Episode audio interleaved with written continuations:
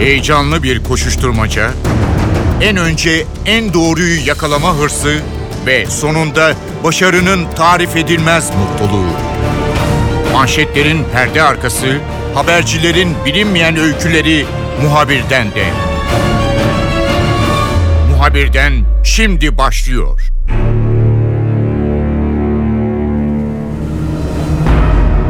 Türk Silahlı Kuvvetleri'nin Suriye'de başlattığı operasyon karşılıklı anlaşmalar sonrasında durmuş gibi aslında operasyona ara verildi demek daha da doğru. Rus ordusuyla beraber Türkiye güvenli bölge üzerinde kontrol için devriye yapacak. NTV muhabirleri operasyon başladığı andan itibaren bölgedeydi ve sınırdan bildirmeye başladılar. Muhabirlerden Özgür Yılmaz da Suriye sınırında görev yaptı. Özgür bizimle olacak, notlarını paylaşacak. Muhabirden başlıyor. Ben Kemal Yurterim.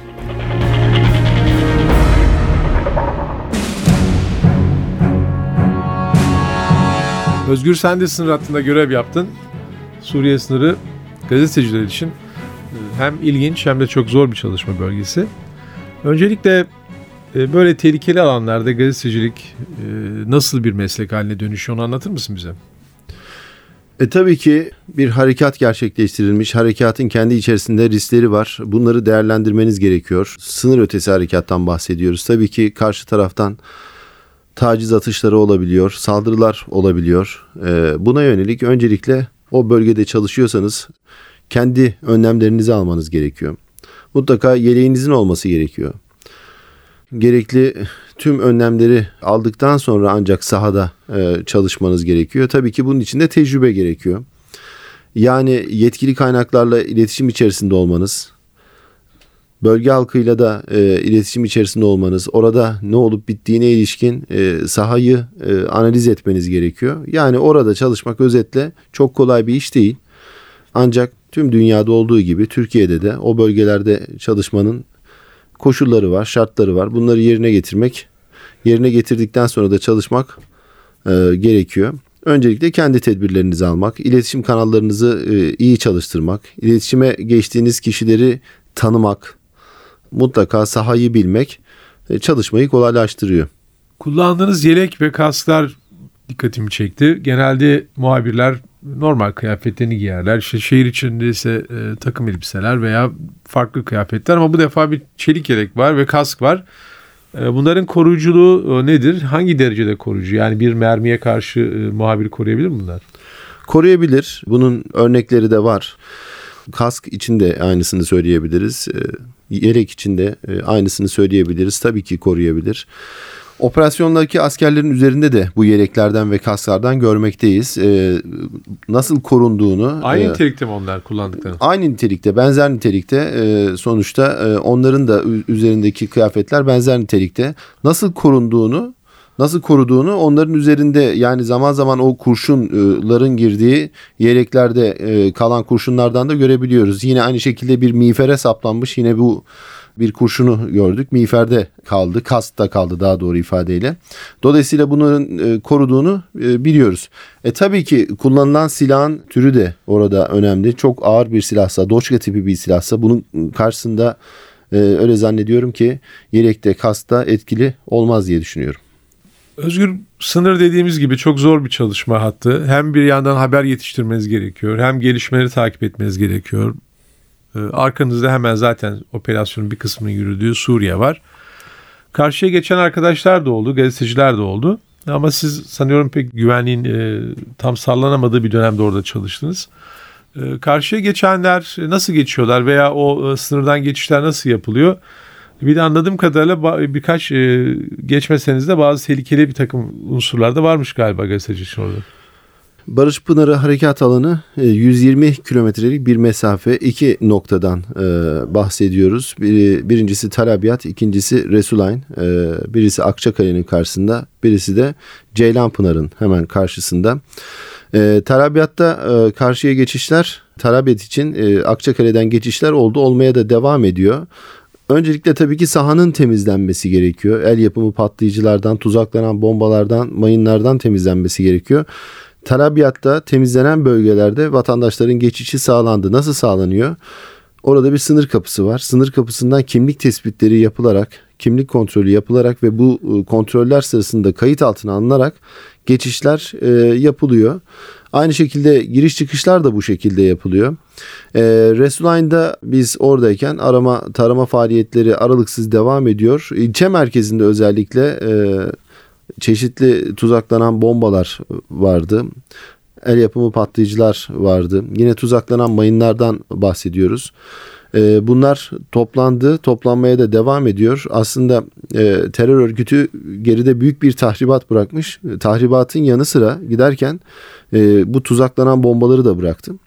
E, Türk Silahlı Kuvvetleri e, uzman ekipleriyle e, bunlar da ilgili çalışmasını devam ettiriyor. Bunlar toparlanıyor. Hatta dün e, bir kısmı imha edildi. Bu tuzaklanan bombalar toplandılar. Güvenli bir noktada imha edildiler.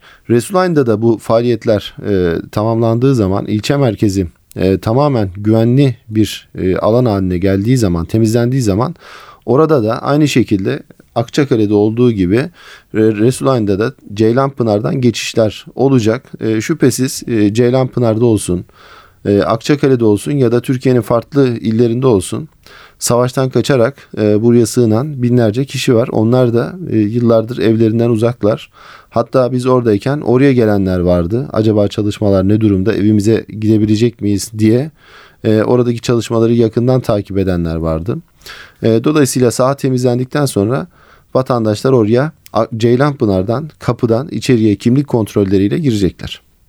Yani Suriyelerin dönüşü konusunu herhalde anlatıyorsun. Evet.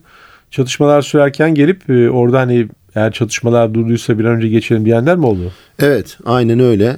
Yani çatışmadan ziyade e, zaten e, bir noktaya kadar e, barış planı harekat alanı 32 kilometre derinlikteki bir alandan bahsediyoruz. Aslında güvenli bir bölge e, olarak amaçlanan yaklaşık 440 kilometrelik alanın 120 kilometresinden bahsediyoruz. 32 kilometre derinlikten bahsediyoruz.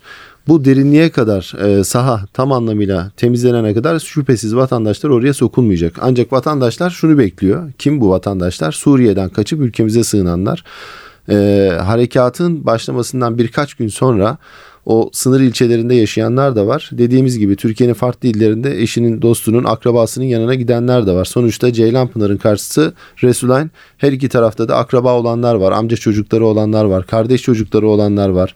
Babaları, dedeleri, amcaları akraba olanlar var. Onlar da birkaç gün sonra biz oradayken geldiler. Ee, acaba nedir son durum, son gelişmeler diye e, merak ediyorlar. Bir an önce bitsin, bir an önce evimize e, gidelim diyenler vardı orada. Onları gördük. Tabii ki daha çoğunluk Akçakale'den Terabyat'a geçişler oldu. Çünkü o alanda bir e, noktaya kadar temizlik faaliyetleri tamamlandı. Faaliyetler tamamlandıkça da orada yaşayan vatandaşlar, Suriyeli vatandaşlar evlerine dönüyorlar. Tabii ki bir taraftan da ticaret de başlayacak, hayat da başlayacak, hayat da normale dönmeye başlayacak. Altyapı ve üst yapı ile ilgili çalışmalar da aralıksız devam ediyor. Yani sadece oradaki mayınların temizlenmesi, tuzaklanan bombaların temizlenmesi, el yapımı patlayıcıların temizlenmesi yeterli değil. Örneğin Resulayn'da elektrik verilemiyor. Çünkü elektrik dağıtım hatlarında büyük bir zarar var. Ee, bunlara zarar verilmiş e, terör örgütü tarafından. Aynı şekilde su dağıtım sistemlerinde sıkıntılı. Ee, şebekeler çalışmıyor. Yani bir noktaya kadar taşıma suyuyla yardım yapılıyor ama tabii ki oradaki asıl olan e, hem altyapının hem üst yapının onarılması, vatandaşların bu şekilde evlerine dönmesi. Sınır hattı çok ilginç. E, yayınlarınızda da gördük. E, herhalde dünyada çok farklı bir operasyon da söz konusu. Neredeyse operasyonu arkada izleyebiliyorsunuz. Evet. Çünkü yerleşim yerleri birbirlerine çok yakın. Bir de terör örgütü çok sayıda havan ve bir takım e, roketlerle e, Türkiye tarafındaki yerleşim yerlerine saldırdı. E, sivil halk orada yerli halk nasıl bir psikoloji içerisinde? Çünkü o bir tarafta çok ciddi bir operasyon yürüyor. Burada sürekli tehdit altındasınız. E, güvenlik açısından da sıkıntılı bir durumdu tabii. Ama onlar da anladığım kadarıyla sabırla operasyon bitmesini beklediler. E, nasıl bir psikoloji vardı insanlarda? Şöyle diyelim 9 e, Ekim'de başladı e, harekat. 9 Ekim'de e, harekatın başlamasının sonrasında YPG'li teröristler tarafından sınırın hemen karşısından Türkiye tarafına havanlı ve roketli saldırılar gerçekleştirildi. Bu saldırılarda e, tabii ki bölge halkı, e, vatandaşlar, özellikle de çocuklar büyük korku ve panik yaşadılar. Şehit olanlar oldu bu saldırılarda. Ee, biz Ceylanpınar'daydık. İki çocuk e, sadece Ceylanpınar'da iki çocuk bu saldırılarda e, şehit olmuştu. Tabii ki vatandaşlar bölge halkı korkuyor panik içerisinde. Harekatın özellikle ilk günlerinde e, yüzlerce diyebiliriz e, roketli ve havanlı saldırı gerçekleştirildi e, sınır tarafımıza. E, gerek Ceylanpınar'a olsun e, gerek Akçakale'ye olsun gerek sınır hattımızdaki diğer ilçelere olsun e, roketli havanlı saldırılar gerçekleştirildi. Tabii ki vatandaşların birçoğu eşlerini çocuklarını özellikle hemen birkaç gün içerisinde akrabalarına, yakınlarının yanlarına, daha uzak yerlere e, götürdüler. E, bu şekilde bir kendilerince çözüm buldular. Devlet de oradan çıkmak isteyen vatandaşlara yardımcı oldu. Çeşitli misafirler olsun, oteller olsun, kalacak yerler olsun. Devlet de çeşitli imkanlarla orada oradan çıkmak isteyen vatandaşlara yardımcı oldu. Harekatın hemen ardından 10 Ekim'de okullar zaten tatil edildi. E, bir 18 günlük ara verildi okullara. E, okullara ara verildi. Sonrasında okullar tekrar açıldı. 18 gün sonra tekrar açıldı. Niçin açıldı? Çünkü hayat normale dönmeye başladı. 9 Ekim'de başladı harekat. 17 e, Ekim'de Amerika Birleşik Devletleri ile yapılan mutabakat e, ve sonrasındaki gelişmeler terör örgütünün Barış Pınarı harekat alanından dışarı çekilmesi. Tabii ki sınır ilçelerimizde bu havanlı roketli saldırıların olmaması vatandaşları rahatlattı. E, rahatlama ile birlikte de vatandaşlar eşlerini çocuklarını tekrar ilçelere götürdüler. Okullar da açıldı. Tabii ki hayatın normale dönmesinin en önemli göstergelerinden bir tanesi de okulların açılmasıydı. Okullar açıldı. Artık roket ya da havan sesleri duyulmuyor sınır ilçelerimizde. Saldırılar da gerçekleşmiyor ve vatandaşlar da e, normal gündelik hayatlarına dönmeye başladılar.